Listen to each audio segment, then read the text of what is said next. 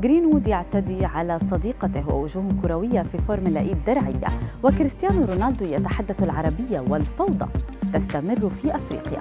هذه الأخبار وغيرها تتابعونها على العربية بودكاست.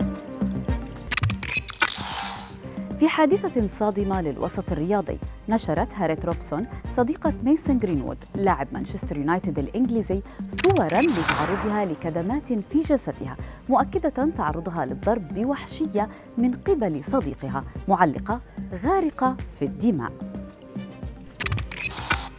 لا زال خروج حامل لقب البطولة الأفريقية من دور المجموعات يحزن عشاق منتخب الجزائر وما زاد من غضبهم صور انتشرت لنجم محاربي الصحراء ومانشستر سيتي الإنجليزي رياض محرز وهو يقضي إجازته في المالديف.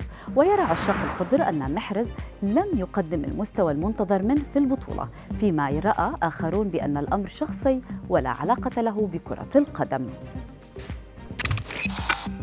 تستمر الفوضى في النسخة الحالية من بطولة أمم أفريقيا آخرها إلغاء المؤتمر الصحفي لمنتخب مصر أمس. أما السبب فالازدحام المروري والخوف من أن يضل السائق الطريق. وكان من المقرر أن يحضر المؤتمر الصحفي للفراعنة المدرب البرتغالي كارلوس كيروش ولاعب الوسط عمرو السولية.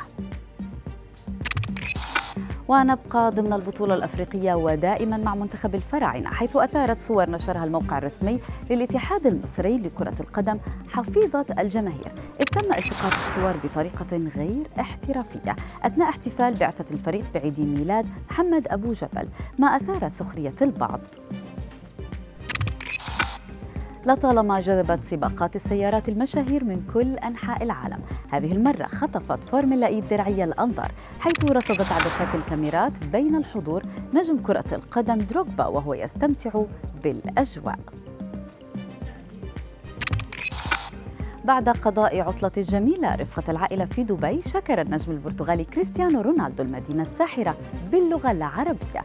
وذلك من خلال تعليق نشره على إنستغرام ليرد عليه ولي عهد دبي بالبرتغالية مرحبا به في بيته الثاني. التعليق على صفحة كريس حصد أكثر من 11 مليون like إضافة إلى آلاف التعليقات.